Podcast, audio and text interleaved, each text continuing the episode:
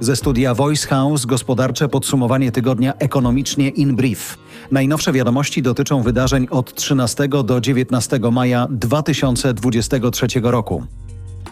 Tym tygodniu z pewnością nikt nie zdołał uciec przed tematem podniesienia 500 plus do 800 zł, bo mówili o tym chyba wszyscy.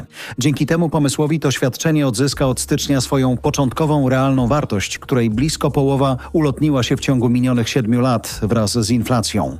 Ta waloryzacja sprawi, że roczny koszt 500 plus urośnie z około 40 do około 65 miliardów złotych, co będzie musiało oznaczać albo wzrost deficytu budżetowego w sytuacji, w której przez wojnę on i tak będzie już bardzo wysoki, albo ograniczenie innych wydatków budżetowych. Jednak największym minusem podnoszenia 500 plus do 800 zł zdaniem wielu ekonomistów jest to, że będzie to utrudniać walkę z wysoką inflacją w kraju, ponieważ dodatkowo wzmocni to popyt konsumentów na rynku. Sprzedawcy nie będą musieli więc reagować obniżkami cen na spadek popytu, bo popyt ten wcale nie będzie musiał spaść. Rządzący twierdzą, że wpływ na inflację nie nastąpi, bo w styczniu będzie ona już niska i będzie spadać. Brzmi to nieco dziwnie, bo przecież z faktu, że coś spada, nie wynika, że nie może znowu zacząć rosnąć. Zwłaszcza jeśli pojawi się nowy impuls do wzrostu. Zdumiewające jest też to, że rządzący inflację, która według prognoz rządu i NBP na początku przyszłego roku będzie w okolicach 6-7%, określają jako niską. Warto w tym kontekście pamiętać, że cel inflacyjny w Polsce wyznaczony przez NBP wynosi 2,5% rocznie, a 6 czy 7% to prawie trzy razy więcej. Ciekawe rzeczy dzieją się też w badaniach naukowych. Okazuje się bowiem, że wprowadzenie jawności płac w firmach powoduje ich spadek. To efekt tego, że w sytuacji pełnej jawności, jeśli przedsiębiorca zgodzi się na podniesienie wynagrodzenia komukolwiek, wtedy wszyscy się o tym dowiadują i też chcą podwyżkę. W efekcie każda indywidualna decyzja o podniesieniu płacy niesie ze sobą znacznie większe niż obecnie ryzyko znaczącego wzrostu kosztów pracy w przedsiębiorstwie. Aby więc uniknąć tego ryzyka, lepiej nie podnosić płacy nikomu. Znika więc mechanizm, dzięki któremu płace niektórych rosną nadal obecne są za to te mechanizmy, które powodują spadek średniego poziomu płac, na przykład zatrudnianie nowych pracowników z niższym wynagrodzeniem. W efekcie średnia płaca po wprowadzeniu jawności obniża się średnio o ponad 2%. Temat zbadała na przykładach ze Stanów Zjednoczonych dwójka ekonomistów z Harvardu i londyńskiego Brown University.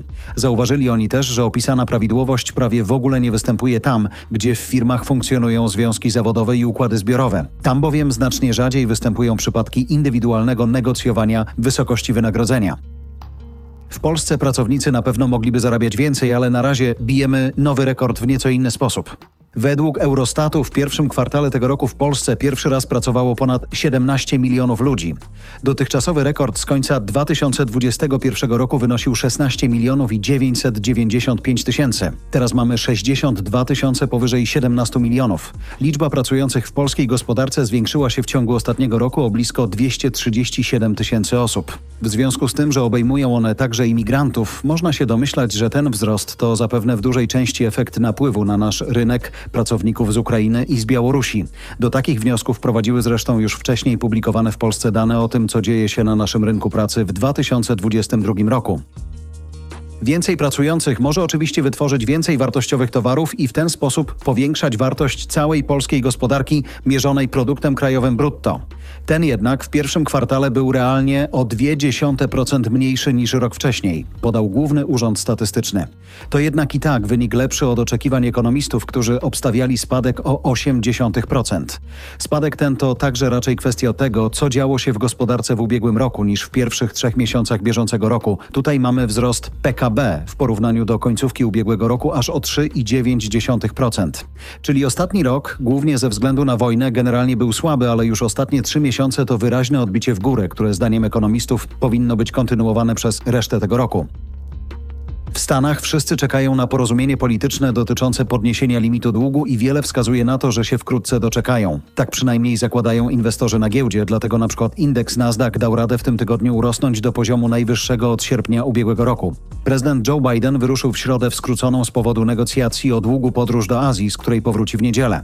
Szef Republikanów w Izbie Reprezentantów pytany przez dziennikarzy, czy ich doradcy mogą dojść do porozumienia przed powrotem Bidena do Waszyngtonu, powiedział, że jest to możliwe do zrobienia. Oby Obydwie strony podkreślają, że nie ma mowy o tym, aby Stany Zjednoczone przestały obsługiwać swoje zadłużenie.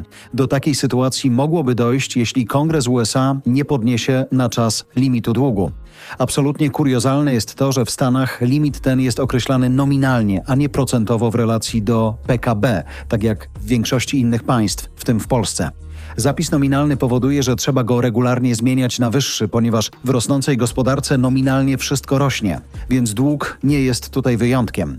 W efekcie co kilka lat mamy w Waszyngtonie zamieszanie i polityczny spektakl, który zawsze jednak kończy się zawarciem porozumienia w ostatniej chwili. Tym razem ta ostatnia chwila to początek czerwca. Wtedy bowiem według wyliczeń Departamentu Skarbu limit długu zostanie osiągnięty i amerykański rząd straci możliwość finansowania swoich wydatków nowymi pożyczkami, bo nie będzie mógł ich zaciągać. W Stanach istnieje też problem suszy, który powoduje, że maleją tam dość znacznie zbiory zbóż. W efekcie ich pszenica jest znacznie, bo mniej więcej o jedną trzecią droższa niż na przykład ta w Europie. Efekt jest taki, że Stany Zjednoczone zaczęły importować zboże z naszego kontynentu, w tym także z Polski. Według danych z Ministerstwa Rolnictwa w pierwszym kwartale tego roku sprzedaliśmy Amerykanom ponad 46 tysięcy ton pszenicy, a Stany Zjednoczone w tym roku są na piątym miejscu na liście odbiorców zboża z Polski, chociaż rok temu nie było ich nawet w pierwszej dziesiątce. Więcej sprzedajemy tylko do Niemiec, Nigerii, RPA i Arabii Saudyjskiej. Ten tekst został przygotowany przez redakcję Voice House. Do nagrania użyliśmy sztucznej inteligencji wykorzystującej głos Jarosława Kuźniara.